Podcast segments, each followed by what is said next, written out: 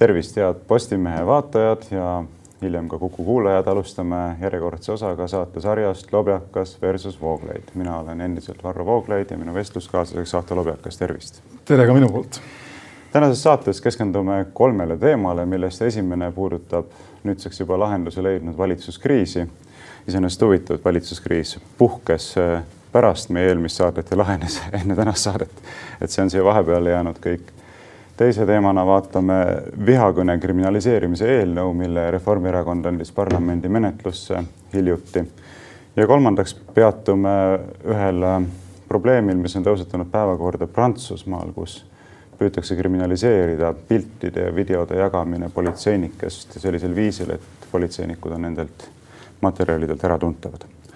aga läheme siis esimese teema juurde, milleks on valitsuskiri, nagu juba öeldud natukene saame sellele vaadata nüüd juba tagantjärgi. sellepärast, et valitsuskriisi tulemusel või tagajärjel, tagajärjena on äh, Mart Helme olnud sunnitud tagasi astuma siseministri kohalt. see ohver tuli siis EKRE-l tuua selleks, et äh, valitsuskriis saaks lahenduse ja kriis teatavasti puhkes pärast seda, kui Mart Helme ja Martin Helme oma saates Räägime asjast äh, väljendusid Ameerika Ühendriikide järgmise võimaliku presidendi suunal viisil, mida peeti siis isiklikult solvavaks. no mis me oskame selle kohta öelda? no ma arvan, et paraku tuleb tõdeda EKRE-l siin seda, et on tulnud üks kaotus sisse võtta sellega seonduvalt, et kui ikkagi erakonna pikaaegne juht, praegune, mis ta on, aseesimees, jah on olnud sunnitud äh, siseministri koha pealt tagasi astuma, siis äh, ei ole paraku mingisugust teist tõlgendusvõimalust kui seda, et äh, on oldud sunnitud vastu võtma kaotus ja, ja no minu enda kommentaar sellele, mille ma olen ka juba varem välja öelnud, on see, et ma tegelikult lihtsalt ei saa aru, et milleks selliseid käike tehakse, millega minu parima arusaamise kohaselt ei võideta mitte midagi. küll aga antakse oponentidele võimalus kuulipilduritele jälle hääl sisse tõmmata ja põhjustada erakonnale kahju, nii et äh, mulle endale tundub, et kui EKRE tahab reaalselt valitsuses püsida, siis nendest asjadest peaks mingisugused järeldused tegema ja enda jaoks ka ära otsustama, et millistel eeldustel on võimalik esiteks valitsuses püsida ja seal ka tõhusalt tööd teha oma eesmärkide nimel, ilma et peaks siis äh, pidevalt äh, alatasa mingisuguste skandaalide lahendamisega tegelema. jah, kui ma ütlen, et ma EKRE siseelu ei tunne, siis ma arvan, et ma kedagi ei üllata, see on iseenesest retooriline sihuke sõnakõlks, eks, ja ma ei tea, miks äh,. ega ja, mina ka ei tunne, ma võin nii palju öelda. miks see asi juhtus äh,? igal juhul ei olnud see ju esimene kord, see tuleb ära märkida, eks vaevalt nädal varem selles samas raadiosaates oli juttu äh, sellest, kuidas, või oli kaks nädalat varem see. kui ma nüüd eksin, igal juhul suhteliselt nagu regulaarselt tänu sellele raadiosaatele on tulnud tsitaate. eelmine kord oli küll vist Deutsche Welle. jah, või siis Deutsche Welle või, aga enne seda oli ka saade, ühesõnaga, et see on ju korduv nähtus iseenesest ja mis puudutab seda raadiosaadet, siis täiskuu tuleb meil nüüd kord nädalas, eks, kui me vaatame seda asja valitsuses, kui ma niimoodi tohin öelda. aga mis on minu jaoks huvitav siin on selle asja sisu. ja sellele võib läheneda mitmelt poolt, ma üritan olla nüüd konkreetne, üks on äh, küsimus sellest samast Deutsche Welle intervjuust võrrelduna sellega, mis juhtus nüüd eelmisel nädalal või sellel ja eelmisel nädalal, eks, pühapäevast alates.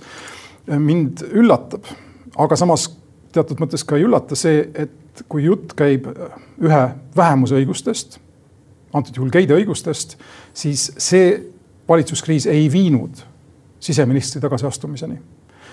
kui jutt tuleb Eesti iseseisvusest, siis me näeme, kuidas Mart Helme ohverdatakse sama kiirelt kui see Espenberg sealt ERR-i nõukogust ehk siis üllatavalt kiirelt EKRE kohta, vabandust, Reitelmann, üllatavalt kiirelt ning ma sattusin kõrvalt korraks nägema ka Martin Helme kurba kuju sellel äh, usaldushääletusel, mis järgnes, kus ta oli minu arvates täiesti verest ja vormist väljas võrreldes sellega, mida ta tavaliselt äh, projitseerib, kui ta küsimustele vastas.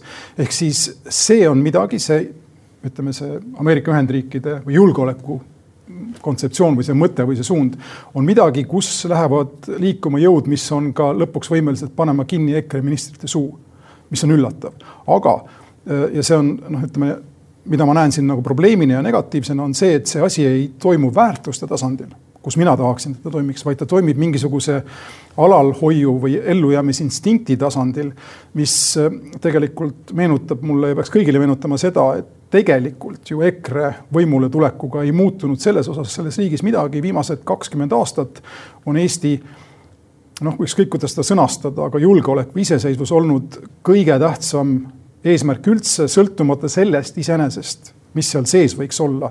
isegi ükski kõige liberaalsem Eesti peaminister või president ei ole sõnastanud seda, seda mõtet väärtuspõhiselt, et on teatud juhte, kus Eesti iseseisvus ei ole kõige tähtsam asi ütleme siis, kui ta näiteks ei esinda neid väärtusi, mida me arvame, et üks Eesti riik peaks esindama, kui see on nüüd mõistetav, eks, mida ma tahan öelda.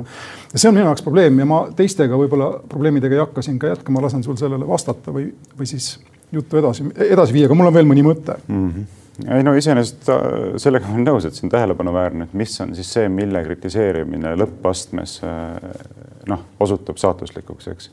Et sa võid igasuguste asjade kohta igasuguseid asju ütelda, aga vist Voltaire'ile on omistatud see ütlus, et öelge mulle, näidake mulle neid, keda ei tohi ühiskonnas kritiseerida ma ütlen, kes teie üle valitsevad, eks, et natukene see ütelus mulle selles kaasuses meenus, kuigi ma arvan, et antud juhul ei olnud probleem niivõrd selles, mida öeldi, vaid pigem selles, kuidas öeldi, eks, et kui ikkagi võimaliku USA järgmise presidendi kohta räägitakse viisil, et kasutatakse sõnu no küll jah, eelmises lauses seal närakad ja siis korru-, korrumpeerunud, noh siis no, minu arvates ei ole ilmtingimata vajalik, saab väga hästi rääkida sellest, et on väga tõsised kahtlused seonduvalt seal valimiste, valimisi puudutavate seaduste rikkumisega, on väga tõsised kahtlused seotud Bideni afääridega Ukrainas, kus tema poeg on saanud, eks ole, riikliku gaasifirma nõukogu liikmeks mingisugusel arusaamatul põhjusel, eks kus on kahtlused sellesega seonduvalt, kas see tasu, mida ta sealt saab, jõuab ka, eks ole, tema isani ja nii edasi.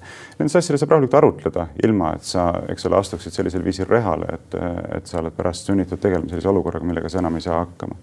nii et mitte tingimata ei ole küsimus selles, keda kritiseeritakse, aga üldiselt ikkagi see osutab ka sellele, nagu sa ka ju selgitasid, et erinevates muudes valdkondades äh, võib siiski palju vabamalt äh, kriitilisi seisukohti väljendada, aga kui jutt tuleb Ameerika Ühendriikidest Ameerika Ühendriikide välispoliitikast näiteks, siis on puudutatud selgelt sellist tabu, mille kohta mitte midagi öelda ei tohi. Ja, ja noh, minu meelest äh, kogu selles kaasuses muidugi oli ka väga näotu vaadata seda, kuidas väga paljud siis karjäärihimulised poliitikud ja teised sellised asjamehed hakkasid kohe tõestama, et nemad küll nii madalale ei langeks, et midagi kriitilist kunagi Ameerika Ühendriikide suunal või selle võimaliku tulevase presidendi suunal võiksid mõelda, rääkimata sellest, et seda ka välja öelda, aga et see on minu meelest veel halvem mentaliteet, mis sealt vastu vaatab, selline noh, puhas pragmatism, millel ei ole ka nagu tõe austusega mitte midagi pistmist. kuigi me läheneme sellele pragmatismile kriitiliselt eri suundadest, aga me mõtleme ilmselt sama asja. no me jah, läheneme nii või nii või teisiti erinevatest suundadest. aga okei okay,, aga ma toon siiski sisse nüüd ühe veel ühe selle pragmaatilise nagu aspekti nüansi, mis, mis on oluline, et see asi oleks ka laua peal ja et jääks muljet, et mul iseseisvuse või sõltumatuse osas oleks täiesti ükskõik või ma oleksin nõus temaga ohverdama. selge on see, et Eesti tema valikuid vaadates minu arvates on sõltumatuna paremal järjel, kui ta oleks Venemaa vasalli või liikmena ütleme mingi Nõukogude Liidu liikmena, eks kui me vaatame seda, mis on juhtunud viimastel nädalatel, nädalatel Armeenias ja Aserbaidžaanis sõda Karabahhi pärast, me näeme veel kord seda, mis ootab ees Venemaa-äärseid väikseid riike, kes vajavad või noh, kes ei suuda välja, kes vajavad Venemaa abi või kes ei suuda ilma selleta hakkama saada, eks. Või satuvad Venemaa mõjusfääri ja see ei tähenda siin seda öelda, et Venemaad tuleks tingimata igal võimalusel kritiseerida ja vaenata ja nii edasi, nagu meil on seda tehtud siia no, senimaani suhteliselt pealispindselt ja lähtudes sellest, mida me arvame või meie, mida meie eelmised peaministrid ja välisministrid ja presidendid arvasid, et Ameerika Ühendriigid meist tahavad. ja see on ka tegelikult, ma arvan, et vigane arvamus. mida meilt tahetakse, on oskus suhelda Venemaaga võimalikult ütleme siis noh, heanaaberlikult, eks teatud piirides. aga fakt on see, et kui me nüüd Ameerika Ühendriikidele rääsa näitame või keskmist sõrmet nende suunas tõstame, siis varem või hiljem tekib meil olukord, kus meil ei ole balanssi või tasakaalu enam Venemaaga suhetes, eks. ja kui me läheme üks-ühele Venemaaga suhtlema, siis varem või hiljem, pigem varem, me oleme samas kohas, kus Moldova või Armeenia või Aserbaidžaan. ja noh, selle tulemuseks ei ole tingimata see, et Venemaa meid okupeeriks, aga fakt on see, et meie vaba demokraatlik ühiskonnakorraldus satuks ohvriks ja ma arvan, et seda hindad sina samavõrra kui mina. ja kuigi mina vaataksin võib-olla eeskuju otsides natuke lähemale kui Armeenia poole, et ma vaataksin Soome poole, et. Äh, kas ma tohin öelda kaks sõna vahele? no ütle, kahe sõnaga väga palju ära ei ütle muidugi. iseseisev kaitsevõime, neli sõna jah, loomulikult, aga selle poole peaks ju Eesti ka pürgima. aga on see võimalik Lähi, lähitulevikus? vähemalt taotlusena, ma arvan küll, taotlusena peaks okay. võimalik. kui oled... näiteks oli, kunagi oli küsimus sellest, eks ole, et oli võimalik osta Saksamaalt tanke, siis Jürgen Ligi vist oli kaitseminister toona ja, ja jäeti see kõik tegemata, öeldi, et ei, et tankid on meie liitlastele, et meil pole tanke vaja, eks ole. no pärast seda tulid Ukraina sündmused ja muud asjad, kus tankide hinnad, eks ole, hüppasid lakke ja nüüd vist tuleb maksta kümme korda rohkem ühe tanki eest, kui toona oleks tulnud osta. aga selline suhtumine üleüldse, et meil ei olegi mingisugust eesmärki pürgida iseseisva kaitsevõime poole, on minu meelest eh, noh, eh, ebaväärikas, ütleme nii. siin ma saan öelda ainult jah ja ei selles mõttes, et kui meil tankid ka oleksid olemas, aga õhuruum on kaitsmata, siis need tankid on lihtsalt väga kallid eh, metallkonteinerid, mis. loomulikult ma ei arvagi, et see on ainuke droonidega purustatakse. ma ei arvagi, et see on ainuke asi, aga ma arvan, et rahvusliku väärikuse üheks väga oluliseks komponendiks on niisugune teatav spartalik hoiak, eks, et me oleme valmis nagu võitlema ja kaitsma ennast viimase veretilgani, isegi kui me teame, et me kaotame. aga fakt on see, et kui te meile kallale tulete, siis me anname korraliku lahingu, eks ole, vot sellist rahvast äh, ja. austatakse, eks aga, ja soomlased on sinnapoole. aga ütleme niimoodi, et talvesõja aegse Soomeni on meil nii pikk maa, et ma isegi, ma isegi ei pea vajalikuks teoretiseerida või siin ma ei tea, õhulosse ehitada ja mõelda, milline võiks Eesti olla, kui tal oleks Soome-sarnane kaitsevõime või Rootsi-sarnane kaitsevõime, et meil lihtsalt seda ei ole. Nendes oludes me sõltume enda liitlastest ja sinna pole mitte midagi parata ja ausalt öeldes mulle see sõltuvus ka meeldib, kui me sõltume Saksamaast, Prantsusmaast, Suurbritanniast ja USA-st, sest et kui isegi kui see sõltumus, sõltuvus siis äh, noh, praktilisel pinnal tähendab, et me peame nende vaateid järgima ja nende väärtusi arvestama, aga noh, see on midagi muud. aga no ega mina ka ju ei arva seda, et me saaksime täiesti ilma kellegi teise toetuse või abita nagu hakkama siin lõpuni välja, eks. küsimus on pigem selle sõltuvuse määras et kui see sõltuvuse määr on nagu selline, et sa oled sisuliselt lahti öelnud igasugusest püüdlusest ennast ise kaitsta. et kui meie käime oma väikeste salkadega missioonidel seal Iraagis ja Afganistanis ja mujal ja tõestame selle läbi oma truudust, et siis meid meeles peetakse, kui meil vaja oleks, eks. et selline lähenemine minul näiteks ei istu, et noh, see muidugi ei ole meil tänase arutelu teema, aga, aga.... ma tohin lihtsalt ühe lause, tegelikult see oli sul väga huvitav mõte praegu, ma ei ole isegi, isegi ausalt öeldes selle mõtteni jõudnud, mis mul tekkis selle peale, kui ma sind kuulasin, aga, aga lihtsalt tahan selle välja öelda. jah, kui aus olla, kui me vaatame viimast kahtekümmet aastat mida me, mille me oleme saavutanud, me isegi ei oska päriselt öelda, mida me tahame saavutada sellega, mis meil olemas on. no ligi viis tuhat meest ja siin motoriseeritud, mehhaniseeritud brigaadid on tekkimas ja nii edasi. me, meil ei ole päris selge see, kas me suudame hoida Eestit selle sõjaväega, mis meil on siin üks päev või kolm päeva või me valmistume gerillasõjaks ma ei, ma ei mäleta, et keegi oleks päris selgelt selle välja öelnud ja kui see on välja öeldud, siis ainult loosunglikul tasandil, et muidugi hoiame. aga kas ta selleks, sõjavägi selleks võimeline on, ma, ma ei usu, et keegi su suudaks täna öelda sajaprotsendise kindlusega, eks. nojah, ja ütleme siis vastupidine positsioon oleks tegelikult see, et võtta sihuke hoiak nagu šveitslastel väidetavalt on ma väga hästi kursis sellega ei ole, aga nad ütlevad, meil ei ole armeed, et me oleme armee, eks et iga mees on põhimõtteliselt teadlik sellest, et ta on valmis oma töö ära tegema, osalema selles nagu riigikaitse kontseptsioonis. Ja me ei raja oma lootusi kellelegi teisele.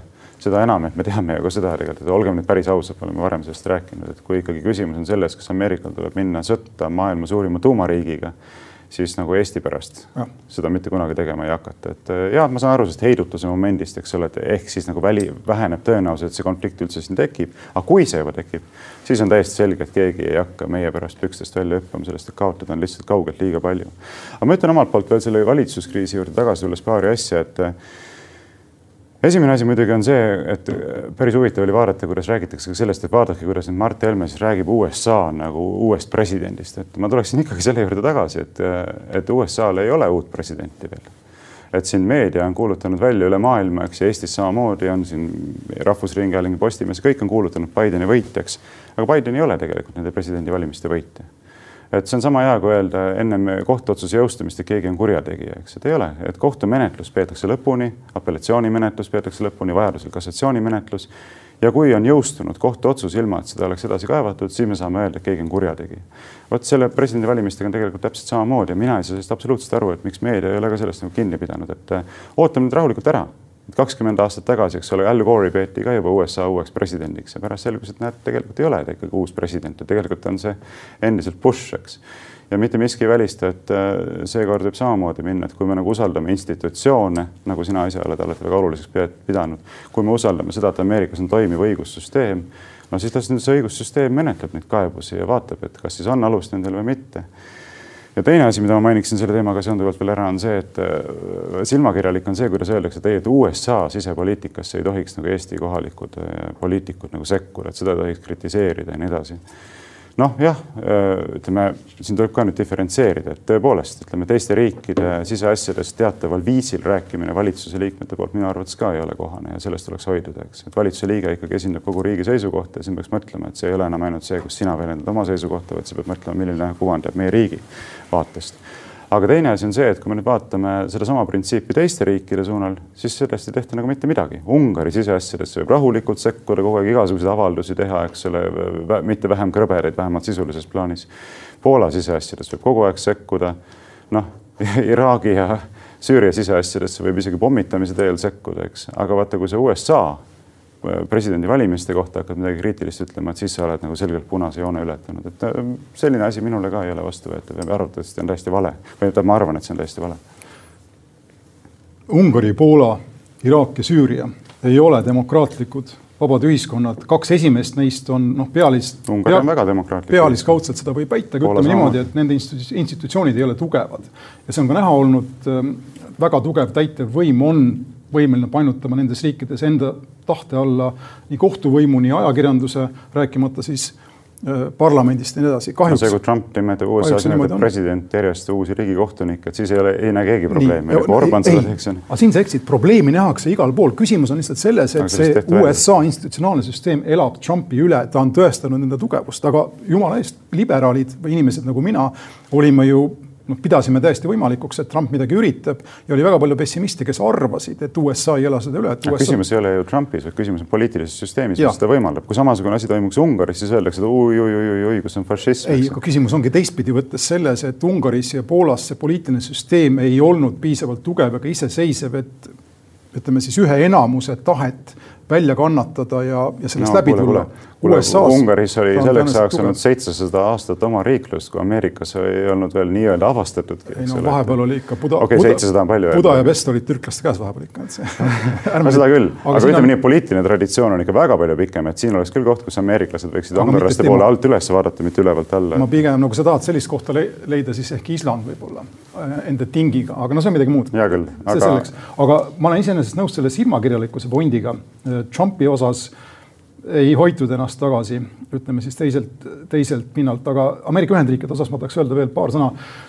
kohtuasjad muidugi ei saa lõputult kesta seal, kaheksandal detsembril tuleb see hetk, kus ei ole võimalik ümber pöörata äh, valimistulemuste ütleme siis paika pandust või sedastusi, nagu nad osariikides võivad olla, kui selleks ajaks kaebused läbi ei ole, siis see, mis on, see on. ja, ja, ja kui need paika ei panda selleks ajaks ja see tundub, et on Trumpi eesmärk, siis tekib sogast vett, nii et ma lihtsalt tahan öelda, et see asi on siin minu, minu arvates teistpidi võrreldes sellega, mida sina ütled. Nende kohtuasjade mõte ei ole mitte kohtu kaudu kusagile jõuda, vaid kohtu kaudu, kohtu kaudu teha võimalik, võimatuks nende valimistulemuste ametlikuks tegemise no eks näis. mina ei taha küll no, siin sündmustest ette rutata ja ma, mina ütlen, üks huvitav punkt saabub siis, kui peaks juhtuma, et Trump tegelikult võidab need valimised, kui kohus otsustab, et tõepoolest, kui võtta arvesse ainult seaduslikult antud hääli, siis on võitja Donald Trump siis ma tahaksin näha, mida teevad meie suured meediaväljaanded, kes on Bideni kuulutanud juba võitjaks, mida teeb president Kersti Kaljulaid, kes on õnnitlenud Bidenit presidendivalimiste võitmise puhul ja nii edasi no. aga ärme siit võib-olla. see tõenäosus on imeväike, aga ärme, aga ärme seda nüüd analüüsi jah. jah, et lähme. surnuks, aga ma tahan öelda. Lähme vast edasi ma tahan öelda jah, paar mõtet selle valitsuskriisi. tee lühidalt, sest me oleme üle aja läinud esimese teemaga. mõistan, ma vaatan seda kella, ma siin vaatan ka, aga nagu sinagi tahaks, tahtes tulla tagasi selle valitsuskriisi sisu juurde veel korra, ma tahaks öelda kolm asja üks on see ja see tundub mulle tõesti, paneb mind väga mõtlema ja samas on väga absurdne. meil on kaalukausil kaks asja, äh, mille üle sina või siis ütleme, sinu sarnaste vaadetega inimesed käsivad avalikkusel valida. üks on geide õigused ja teine on sisuliselt Eesti iseseisvus. ehk siis rohkem meil ju teemasid ei ole kui sa vaatad poliitilist debatti viimased poolteist aastat, kui kukkus ära immigratsioon, jäänud on omasooliste paaride õigused ja suhe Venemaaga, see on EKRE kogu poliitiline huvi ja see tekitab minus väga palju küsimusi, ma ei hakka no, neid analüüsima. täiesti vale aga väide. Lihtsalt... on väga palju erinevaid küsimusi, mis pakuvad inimestele huvi, ma ei tea, kuidas jah, aga, aga kui sa vaatad seda, mis toimub kommentaariumides, ma aeg-ajalt teen seda no,. see, see ainukene asi, mis kütab neid inimesi üles, kes toetavad EKRE-t kommentaariumides, on geid praegu, mitte midagi muud. no see on tänu sellele, et kooseluseadusega kütab... läbisurumisega rahvast tülli aetud ja, ja emotsioonid üles käivad. aga sa oled nõus sellega järelikult, viis aastat on möödunud ja millegipärast on meil poliitilise agenda tipus kaks asja ja üks on seal kogemata, aga kas ta on nii kogemata? üks on siis gei õigused ja see teine, mis kogemata on või mitte kogemata, on suhted, sisuliselt suhted USA ja Venemaaga. aga las ta olla siin praegu.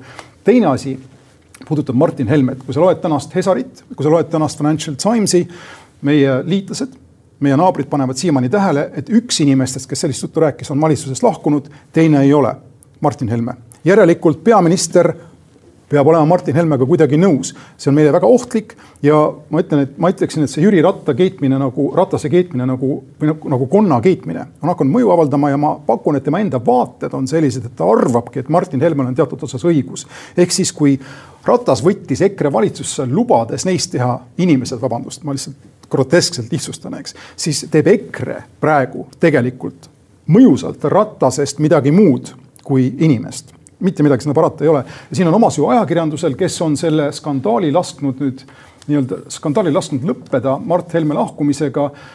Läänes oleks üks juhtkiri teise järgi seni, kuni lahkub Mart Helme. Eestis ajakirjandus ei ole selli-, selliseks surveks võimeline no läänes vist ei saaks üldse ajakirjandusväljaannetest sõna inimesed, kes dehumaniseerivad teatud poliitikuid, ütlevad, nad pole inimesed, et jah, vabandust, see oli väga halb väljend, aga lihtsalt ma tahtsin kokkuvõtlikkuse huvi, kokkuvõtlikkuse huvides kasutada võimalikult äh, eredaid äh, kujundeid hea küll, jäägu see sinnapaika, läheme teise teema juurde.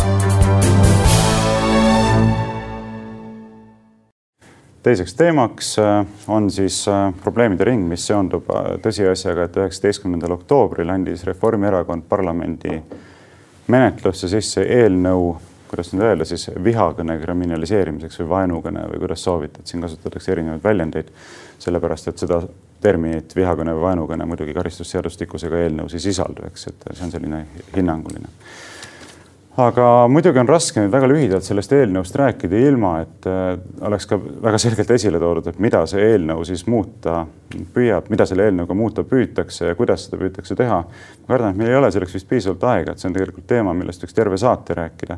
rahulikult äh, pühendades esimesed näiteks, ma ei tea, viis või kümme minutit sellele, et rääkida, mis on selle eelnõu sisu. aga kui ma üritaks seda väga lühidalt teha sissejuhatuseks, no ma püüan, äh, siis võib-olla eelnõu keskne osa seondub äh, karistusseadustiku paragrahviga sada viiskümmend üks, milles on praegu öeldud nõnda, et äh, esimeses lõikes, tähendab, paragrahv kannab pealkirja vaenu õhutamine ja selle esimene lõige ütleb tegevuse eest, millega avalikult on kutsutud üles vihkamisele, vägivallale või diskrimineerimisele seoses rahvuse, rassi, nahavärvi, soo, keele, päritolu, usutunnistuse, seksuaalse sättumuse, poliitiliste veendumuste või varalise või sotsiaalse seisundiga. kui sellega on põhjustatud oht isiku elule, tervisele või varale karistatakse rahatrahviga kuni kolmsada trahviühikut või arestiga. nii.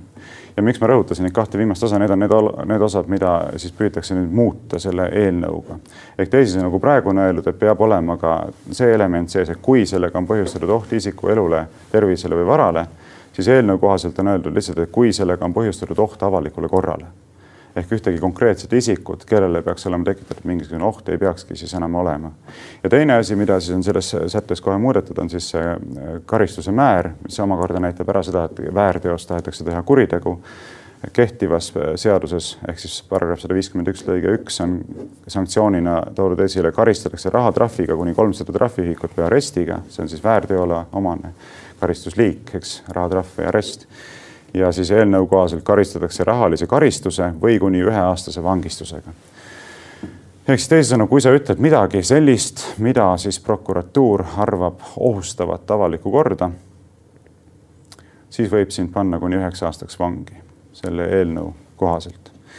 ja nüüd teine huvitav asi on siis see, vabandust, juba pikalt räägin, aga ma ei saa kiiremini seda ära seletada, on see, et ka paragrahv sada viiskümmend kaks eelnõu kohaselt muudetaks see kannaks siis pealkirja ebavõrdne kohtlemine. ja seal on nõnda, et kui praegu on karistuse määrana nähtud ette kuni üheaastane vangistus, siis selle kohaselt oleks juba kuni kolmeaastane vangistus, mille eest? noh, ma ei tea, kas hakata nüüd ette lugema, aga inimese õiguste ebaseadusliku piiramise eest seoses mingi teatava alusega, siis nagu sugu, vanus või päritolu või muu selline asi, võib siis karistada rahatrahviga kuni kolmsada trahvikut või arestiga ja sama tegu, kui see on pandud toime kahe või enama isiku suhtes ametiseisundit kasutades, siis võib panna inimesed vangi juba selle eest kuni kolmeks aastaks. ja nüüd huvitav on ka see, et kui selle teo on pannud toime juriidiline isik, siis praegu saab karistada rahatrahviga kuni kaks tuhat eurot. eelnõu kohaselt oleks see rahatrahv kuni kuusteist tuhat eurot. Ehk ma mõtlen muidugi näiteks oma organisatsiooni SAPTK peale, eks. et kui meid peaks mõistetama süüdi ebavõrdses kohtlemises, kuidagi inim, inimeste ebavõrdses kohtlemises näiteks või ma ei tea, mõnda usuühendust näiteks on ju mis ei taha rentida oma ruume näiteks, ma ei tea, homoseksuaalidele mingisuguse peo pidamiseks, siis võib väänata kuni kuusteist tuhat eurot trahvi. okei okay,, ma annan siin sõnajärje sulle üle, sest ma ei saa pikemalt praegu rääkida, et oma hinnanguid hakata väljendama. see oli väga huvitav mõte, see viimane, see oma naha küsimus, tsiteerides äh, Talevit, see annab alati asja, asjadele teise nurga ja kui niimoodi mõelda, siis ma näen, et jah, su hirm on või su kartused on õigustatud. see ilmselt paljuski saabki olema tõlgenduse küsimus ja need tõlgendused hakkavad käima Eesti kohtutest, kui see kunagi asi peaks sinnamaani jõudma. ma ütlen sulgudesse ka ära, et, et selline Euroopa tasandil toimuv A, Kaja Kallase seaduseelnõu ei, ei, ei jõua mitte kusagile, enne kui Reformierakond on võimul, eks see on selge. aga see ei ole nii selge, muuseas, saab minna edasi. no kui nad ei suutnud Martin Helmet maha võtta, siis nad kindlasti päris, päris kindlasti ei hakka Kaja Kallase eelnõud seaduseks tegema. no see selleks okay,. No, Euroopa seadust või Euroopa kuriteo mõistet, mis nagu noh, rakendatav oleks, ei tule ka enne, kui kõik liikmesriigid nõus on, et oleks kõikidele kuulajatele selge. jutt sellest võib käia, Euroopa Komisjon töötab selle nimel, aga nõustuma peavad siis ka Eesti, Poola ja Ungari muuhulgas. seda niipea ei juhtu ja mina võtaksin selle asja lahti kolmeks, jälle kolm. üks on see vaenukõne või vihakõne äh, instants, mis meil tegelikult on ju olemas tänases seaduses, aga mille lävend või rakendamise lävend on nii kõrge, et kui ei, kui see kõne ei kujuta ohtu kellelegi, kellegi elu, elule, tervisele või varale, nagu sa ütled, siis ta lihtsalt ei rakendu. minu arvates see lävend on liiga kõrge, kus see lävend võiks olla, ma päriselt kindel ei ole ka mina olen seda meelt ja see ei ole liberaalide, konservatiivide vaheline nagu erinevus, vaid hoopis põhimõttelisem erinevus. ka mina olen seda meelt, et võimule äh, sellise hoovastiku andmine, võimu usaldamine on midagi, mida rahvas väga kergelt teha ei tohiks, mille suhtes ma olen ka skeptiline ja selles mõttes ma saan su kartustest ka aru. aga ma arvan ka seda, et kui näiteks keegi ei noh, kes paneb enda korteri avalikul turul üürile või kuulutab, et ta korter on välja üürida, tema juurde tulevad kaks mustanahalist inimest, ütleb, et ei, ma mustadele ei üüri seda välja, ma arvan, et see, sellist inimest tuleks karistada. sest et ta rik- ja miks tuleks karistada, me jõuame nüüd siin äh, ühe väga olulise koha juurde. ja see on ka põhjus, miks ma saan aru teistpidi jälle, miks Kaja Kallas on sisse kirjutanud sellesse eelnõusse või Reformierakond on kirjutanud eelnõusse avaliku korra. see on, see on üks mõiste, mis tegelikult vanemas ja ütleme, läänemaises käsittelus kannab nime avalik rahu vara, varasemalt veel või Inglismaal siiamaani kuninganna rahu või kuningarahu. ehk siis ta kirjeldab seda situatsiooni, mis on vajalik selleks, et üldse midagi saaks selles riigis toimuda. selleks on sul vaja sisemist tsiviilrahu. Ja sellised asjad, mis rikuvad avalikult inimeste õigusi, tagatud õigusi, rikuvad avalikku rahu, tekitavad küsimusi nende positsioonist, tekitavad teatud inimestes võib-olla isegi aje või ajendi nende inimeste õigusi veel rohkem ära võtta ja nii edasi. see kõik läheb tagasi, nagu ma olen rääkinud korduvalt ja ma usun, et ka sina tead seda sama hästi kui mina, lähevad, see kõik läheb tagasi ususõdadeni ning vajaduseni leida rahu kõikide nende protestantide ja katoliiklaste vahel, kes üksteist seitsmeteistkümnendal sajandil aastakümnete jooksul mõrvasid. üks avalik sfäär kuulutati põhimõtteliselt siis, mis ta on siis noh reserveerituks või selliseks alaks, mis oli reserveeritud selliste asjade vastu. sa võisid olla protestant või katoliiklane või kes iganes, sinule ei tohtinud seda ette heita avalikus sfääris. Ja täpselt sama printsiip toimub siin, see rahu peab säilima, vastasel juhul ühiskond ei toimi. ja kolmas mõte, mis mul on, selle tegelikult ütlesin ära juba, võimu usaldamine on probleem, sellega ma olen nõus. Hmm noh, ma olen loomulikult ka nõus sellega, et avalik rahu tuleb tagada selles mõttes, et ei tohi, eks ole, kasutada vägivalda ja vägivalla ähvardusi äh, omavahelistes suhetes ühiskonnas. aga väga tõsine probleem tekib siis, kui me hakkame avaliku rahu rikkumisena käsitlema ka lihtsalt selliste seisukohtade väljendamist, mis kellelegi ei meeldi, eks ja ma ei saa mitte kuidagi olla nõus näiteks siin Urmas Paeti poolt, kas see oli vist Reporterile antud intervjuus, äh, kus reporter tegi saatelõigu sellesama e-, eelnõu sisseandmisest kus ta ütles, et ei, et see ei puuduta üldse sõnavabadust, et see kriitika on täiesti vale, et sõnavabadus, see eelnõu üldse ei puuduta sõnavabaduse piiramist. no see on täiesti absurdne väide see on täiesti absurdne väide, et me räägime siin sellest, kuidas kriminaalõiguslike vahenditega rakendada sanktsioone inimeste suhtes, kes väljendavad seisukohti, mis on arvatud vastuvõetamatuks avalikult, eks. kuidas see ei puuduta siis sõnavabadust? sõnavabadus on tagatud põhiseaduse paragrahvis nelikümmend viis ja ütleb, et igaühel on õigus sõnas, pildis, mis seal on täpselt, ma ei mäleta, helis levitada oma ideid ja arvamusi, eks ja tsensuuri ei ole. nii, kui mul on õigus levitada oma ideid ja arvamusi. Ja nüüd see norm ütleb, eks ole, et mind võib panna vangi selle eest, et ma väljendan äh, nii-öelda valesid või lubamatuid arvamusi, siis on täiesti ilmselge, täiesti ilmselge, et siin on tegemist väga tõsise sõnavabaduse riivega. kas see riive on ka põhiseaduse vastane, selle üle me võime hakata nüüd arutama, eks ole, peamegi hakkama arutama, aga eitada seda, et siin üldse riive on on noh, lihtsalt täiesti naeruväärne. Ja seesama naeruväärne järeldus vaatab meile vastu ka eelnõu seletuskirja viimasest lausest muuseas, kus on seaduse mõjude analüüs on üldse vist mingisugune, näed, nii pikk, eks, mis on noh, täielik nali, eks, niimoodi tehti mõjuanalüüsi. aga viimane lause ütleb, muudatusel on positiivne sotsiaalne mõju ning negatiivne mõju puudub. no kuidas ta puudub siis huvitav, et me võime öelda küll, kas positiivsed mõjud ületavad negatiivse, aga öelda, et see üldse puudub, noh, see on, see on absurd lihtsalt. selles on sul õigus ja sellega on võimatu vaielda ja ma usun, et ka mina olen nõustunud siin saates korduvalt sellega, et loomulikult tähendab vihakõne instants kui selline ju seda, et vihakõne allakäiv kõne siis teatud mõttes või mis iganes astmes kriminaliseeritakse või keelatakse või teda hakatakse sanktsioneerima, see on ilmselge ju, see on, tuleneb selle no, eelnõu sisust, eks. aga äh, oluline on nüüd see piiride küsimus, sa viitasid siin, viitasid siin põhiseadusele. ma ei ole päris kindel, et see isegi põhiseadus on meil siin mingisuguseks orientiiriks, arvestades, et Eesti on suhteliselt noor riik ja meie no, põhiseadus. põhiseadus muidugi. jah, aga kus ma otsin neid orientiire ja ma oskan, ma saan ainult apelleerida sellisele noh ütleme, ajaloo, ajaloolisele empaatiale. ja ma olen seda varem püüdnud, ma üritan seda veel kord teha ja ma usun, et sa oled minuga nõus.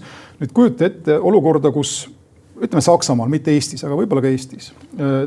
noh, inimene tuleb tänavanurgale ja hakkab rääkima kõva häälega möödakäijatele sellest, kuidas Hitleril oli õigus võib-olla ta tegi midagi halvasti, aga põhimõtteliselt Hitleril oli õigus, Mein Kampf iseenesest tahab õigeid asju. kas sellise inimese sõnavabadus tuleks talt ära võtta või mitte ära võtta, see on mina hea küsimus. mina arvan, kindlasti mitte ära võtta tuleb, äh, sa ütlesid, et see kõik peaks olema sõnas ja pildis, eks. no tulevad meil, ütleme, tuleb Saksamaal või meil siinsamas äh, tänavale grupp inimesi, sadu inimesi, kes, kes marsivad läbi Tallinna svastikalippude all ja vastavate loosungite all, mis olid, ütleme, mis on koopiad tuhande üheksasada kolmekümnendate aastate loosungitest, eks.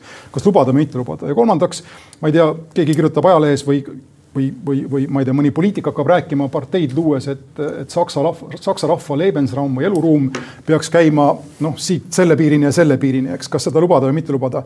ja isegi kui sa ütled, et sina printsipiaalse inimesena lubaksid ja usaldad ühiskondi, ühiskonna ja riigi eneseregulatsiooni võimet, siis ma ütleksin, et inim-, mina ütleksin mitteuskliku inimesena, et inimene ei ole perfektne olend. ühiskond on alati kompromisside kunst ja need asjad ründavad sedasama kompromissi, millele meie ühiskond rajaneb ja mida ma nimetaksin selleks avalikuks rahuks no nii palju ma olen muidugi sinuga nõus, et ütleme, kuskilt peavad piirid minema, eks, et kui hakatakse selgelt organiseeritult esitama üleskutseid teatava grupi suhtes rakendada vägivalda näiteks, maha lüüa, maha tappa, eks ole, vangi panna, et siis äh, sellele peab ühiskond kuidagi suutma reageerida. las ma küsin vahele, kui sa oled jällegi see on. ma tegelikult sain väga vähe aga, rääkida, enne kui sõna jääks sulle tagasi. ma tahan üheselt näiteliselt küsida vahele, kui sa oled sellise vähemuse esindaja, ütleme noh, ma ei tea keda natsid kunagi välja juurida üritasid. mida sa peaksid arvama riigi kodanikuna, mis lubab tänavatel paradeerida nende samade lippude all inimesi, kes iseenesest ei kutsu ju otsesõnu üles sind hävitama, aga kõik, mida sa ajaloost tead, kõik, mida nemad ajaloost teavad,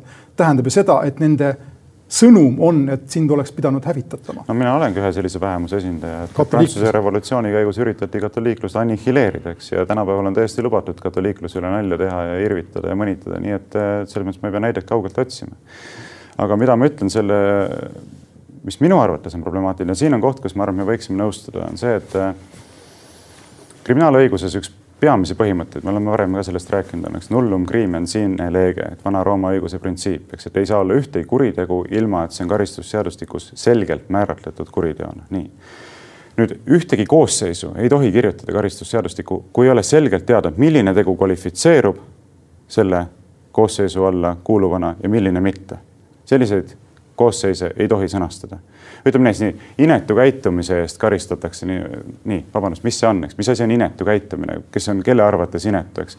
et see on väga erinev näiteks sellest, kui öeldakse keha, kehavigastuste tekitamise eest, eks ole, et noh, siin on ka muidugi aruteluruumi, et mida siis kehavigastusena silmas pidada, aga põhimõtteliselt on ikkagi üsna selge, et peab olema mingisugune vigastus, eks meditsiiniliselt tuvastatav kahjustus, nii või ma ei tea, var-, varastamise eest, eks, et noh, reaalselt on faktid, mis vastavad sellele koosseisule, oled võtnud kellelegi teisele kuuluva asja eh, eesmärgiga see enda varaks pöörata, eks. on võimalik tuvastada, aga antud juhul, eks ole, mingisuguste seisukohtade väljendamine, millega on ohustatud avalikku korda, põhimõtteliselt politiseerib prokuratuuri sellepärast et hakkab toimuma selline olukord, kus see, kes kontrollib prokuratuuri, otsustab siis, milliste väljaütlemistega ohustatakse avalikku korda ja mitte. ja ma arvan, et see on asi, mida me kõik või mille vastu me kõik peaksime protesteerima, selle vastu peaks protesteerima advokaadid, selle vastu peaks protesteerima ülikoolide õppejõud, õigusteaduse professorid, selle vastu peaks protesteerima kohtunikud ja kohutavalt kahetsusväärne, ajakirjanikud samamoodi, et noh, ajakirjanikud võiksid ka selle peale mõelda, et kuulge, et kui me nagu anname sellised volitused prokuratuuri kätte, siis lihtsalt tasub ära oodata see hetk, kus prokuratuuri üle teostab kontrolli mingisugune poliitiline jõud, mis meile ei meeldi ja kogu see haamer tuleb meile täie jõuga vastu pead, eks, et. siin ma olen sinuga täiesti nõus, nagu sa ka arvasid. Äh, seesama proku-, see viide prokuratuurile meie oludes, eks lihtsalt meenutagem seda, et tänases Eestis ja juba aastakümneid iseseisvunud Eestis äh, ma saan aru, lõpeb umbes üheksakümmend üheksa koma viis, kui mitte üheksakümmend üheksa koma üheksa protsenti prokuratuuri poolt esitatud süüdistustest juba süüdimõistmisega. see on sama Gruusias ja see oli sama Nõukogude Liidus ja see see asi ei ole muutunud, ühesõnaga prokuratuur on seaduse esimene tõlgendaja ja prokuratuuri tõlgendust äh, kohus, kohtus meil naljalt ei väärata. väga harva seda juhtub ja see on tõesti oht, ma olen sinuga täiesti nõus ja see sinu argument, et tuleb teine võim ja kasutab sama prokuratuuri teistel eesmärkidel, on väga reaalne ja realistlik. aga, ja mina esindan siin muidugi sellist utopistlikku poolt, eriti Eestist vaadates, aga ma näen viise, kuidas sellest kõigest üle saada. Ja ei ole võimalik kirjutada igat kaasu, iga, igat kaasust sisse seadusse, see on ka päris selge.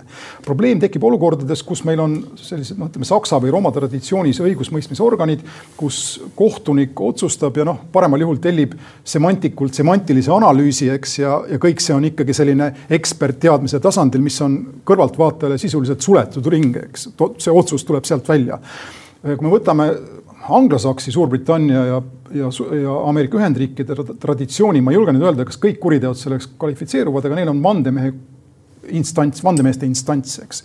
otsuse või siis ütleme selle otsuse langetavad vandemehed, karistuse määrab kohtunik, aga kas süüdi või mitte süüdi, seda analüüsivad tõendite põhjal kaksteist inimest või midagi sarnast, eks, kes tõlgendavad kõiki neid asju, tahtlust kaasa arvatud, tõendeid ja nii edasi, seaduse mõtet võib-olla isegi, jõuavad otsusele ja see otsus on ajaspetsiifiline, mõistlik ühiskondliku konsensuse selline väike esinduseks. Nad esindavad ühiskonda, nad esindavad, esindavad kogukonda ja ainult niimoodi saab selliseid asju mõistlikult teha. meil ei ole selles mõttes, sul on õigus mõistlikku süsteemi ja sul on õigus nende kahtluste esitamisega, aga samas oht teiselt poolt vähemustel Eestis, tänu tänasele valitsusele eriti, on nii suur, et midagi tuleb teha jah, midagi tuleb teha, kui nii arvatakse, aga võiksime ikkagi kokku leppida selles, et me ei tee sellist asja, mis muudab täiesti hägusaks selle, et millised seisukohaväljendused on kriminaalõiguslikult karistatavad ja millised mitte. et vot sellist olukorda ei tohi teha vabas ühiskonnas ja see, see on, see on oluline printsiip.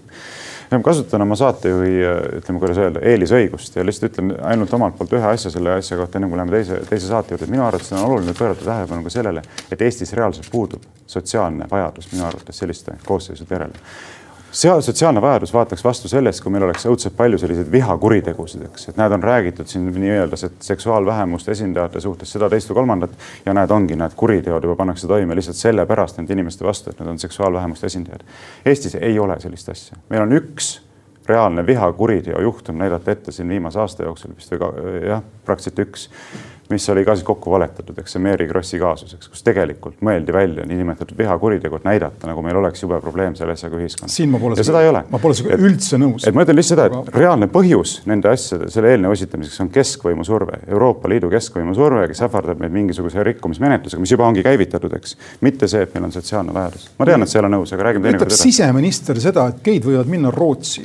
Rootsi on parem koht kui Eesti. sa, sa, sa tead, sa räägid teadlikult asja, mis ei vasta tõele. ei, ma ei räägi teadlikult, ma tahan öelda seda et meil luuakse keskkonda, milles geid võiksid ennast võimalikult halvasti tunda ja kui see ei ole probleem, siis meil on väga erinev vaade elule. no aga see, mis sa just väitsid, vasta esiteks tõele ja teiseks mingeid vihakuritegusid niinimetatud seksuaalvähemuste esindajate vastu meil reaalselt ei eksisteeri, fakt.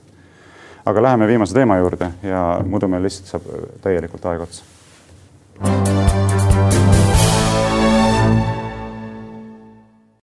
ja viimaseks teemaks, milleks on vastavalt meie välja kujunenud traditsioonile, ebameeldivale traditsioonile, mis teha, jäänud vähe aega, puudutab siis äh, Prantsusmaal äh, parlamendi menetlusega antavat või juba antud, ma ei mäleta, eelnõud, äh, mille kohaselt siis kriminaliseeritakse selliste piltide ja videode levitamine politseinikest, millelt need politseinikud on tuvastatavad isikuliselt ja ja siis täiendav kriteerium, nagu me siin saate eel, eel arutasime, peab see olema see, et eksisteerib ka tahtlus põhjustada nendele politseinikele siis kas füüsilist või psüühilist kahju või ütleme, kas neid siis kuidagi alandada või nende moraalset kuvandit kahjustada selle kaudu. ehk ühesõnaga kaks elementi, need peavad olema äratuntavad videodelt ja piltidelt ja siis peab olema intentsioon neid kahjustada ja siis väga palju on juba avaldatud selle vastu protesti, muuhulgas ajakirjanike esindusorganisatsioonide poolt, kes ütlevad seda, et, et sellisel juhul muutub väga ohtlikuks ajakirjanikel ka jäädvustada politseinike poolseid vägivalda, politseinike poolseid seaduse rikkumisteks, seaduse rikkumisi või piiripealseid juhtumisi, juhtumeid ja selle kaudu neid kontrolli all hoida, sellepärast et kunagi ei tea, kust, mida tõlgendatakse intentsioonina politseinikke psüühiliselt kahjustada ja millele võib siis järgneda reaalne vangistus, et see sanktsioon on ka ette nähtud, see on kuni üheaastane vabaduse kaotus või kuni neljakümne viie euro, neljakümne viie tuhande eurone rahatrahv. sõnajärg sulle. see eelnõu on läbinud äh, mingi parlamendikomisjoni tasandi, mis teeb tõenäosus, et ta vastu võetakse väga suureks. teda pole vastu võetud veel, seal on, nagu sa ütlesid, see kahekümne neljas artikkel või paragrahv, äh, mis sätestab selle tinglikkuse, aga noh, minu jaoks olulisem osa on see integrity või integriteedi mõiste, mida siis võidakse kahjustada. nagu ma enne saadet rääkisin, jätab see või no rääkisime, mõlemad oleme ilmselt sama meelt, eks, et see selline sõnastus jätab võimudele võimaluse ennetavalt otsustada, mis selline asi on, enne kui keegi tegelikult midagi kannatanud on ja kui minna kohtusse selle, seda vaidlustama, siis selleks ajaks, kui sa otsuse saad, see kõik on juba ammu minevik, eks, mille üle sa vaidlesid. võimudele antakse sellega suurem jõud või võim või autoriteet või mis iganes ja siin tulen tagasi selle juurde, mida ma ütlesin ka eelmises saate osas. siin ma olen sinuga ilmselt ühte meelt, võime ma ei usalda, võim peab usalduse ära teenima ja võimul peab olema võimalikult vähe neid hoobasid, millega avalikkust survestada ja siin on ilmselgelt tegemist Prantsusmaal katsega avalikkust rohkem survestada, kui ma loen selle võimu või selle eelnõu autori, endise antiterroristliku, äh, mis ta on siis, mingi löögirühma juhi seletust, siis ta ütleb, et ta, tahetakse tagasi võtta võim piltide üle. see on huvitav mõte, võim on kaotanud võimu piltide üle äh, ning kaitsta neid, kes kaitsevad, kaitsevad. Ja muuseas selles äh, seaduseelnõus on veel ka punkt, kus öeldakse, et politseinikel tekib õigus kanda kaameraid mobiilseid kaameraid, millega reaalajas tuvastada, kes nende vastas seisavad, ehk siis see e-, asümmeetria viiakse maksimumini. üks pool katab ennast kinni ning teine pool tehakse täiesti läbivaadatavaks ja avalikuks. hakkab see... näomaske pooldama. ja kui see on ka tõenäoliselt keelatud, eks, aga igal juhul see on see panoptik panoptikoni kujund, mis on pärit Jeremy Bentham'ilt, kes on üks Briti seitseteist, kaheksakümnenda sajandi vahetuse äh, liberaalne filosoof, kes selle kujundi leiutas, aga see mõte temal oli, et vanglad võiksid olla sellised vankrirattakujutised, kus valvurid on seespool ja siis vaatavad nii-öelda igasse kongi, mis on vankriratta serval ja mitte midagi pole võimalik nendest varjata. selline ühiskond on totalitaarne ühiskond. ja eh, noh, sa oled ka varem rääkinud totalitarismist ja siin on ilmselge näide sellest ja mind üllatab, et Prantsusmaal on keegi julgenud sellise seadusega tulla, mida on võimalik otse panoptiliseks nimetada.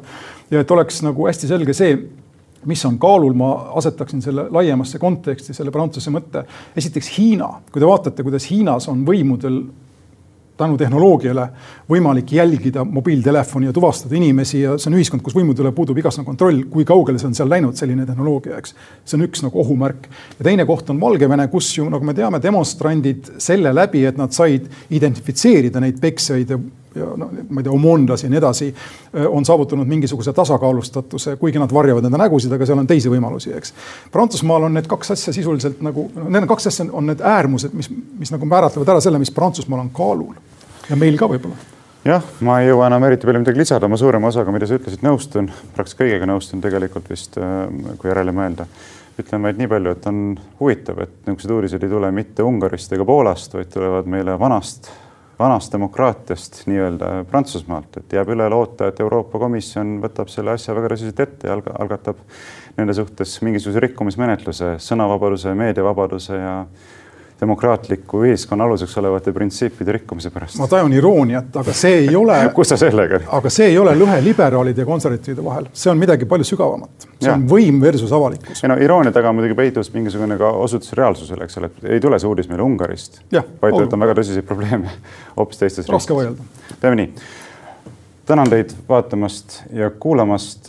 saates olid Varro Vooglaid ja Ahto Lobjakas. kohtumiseni tuleva nädala reedel Postimehe vaatajatega, laupäeval Kuku kuulajatega. tänan kuulamast.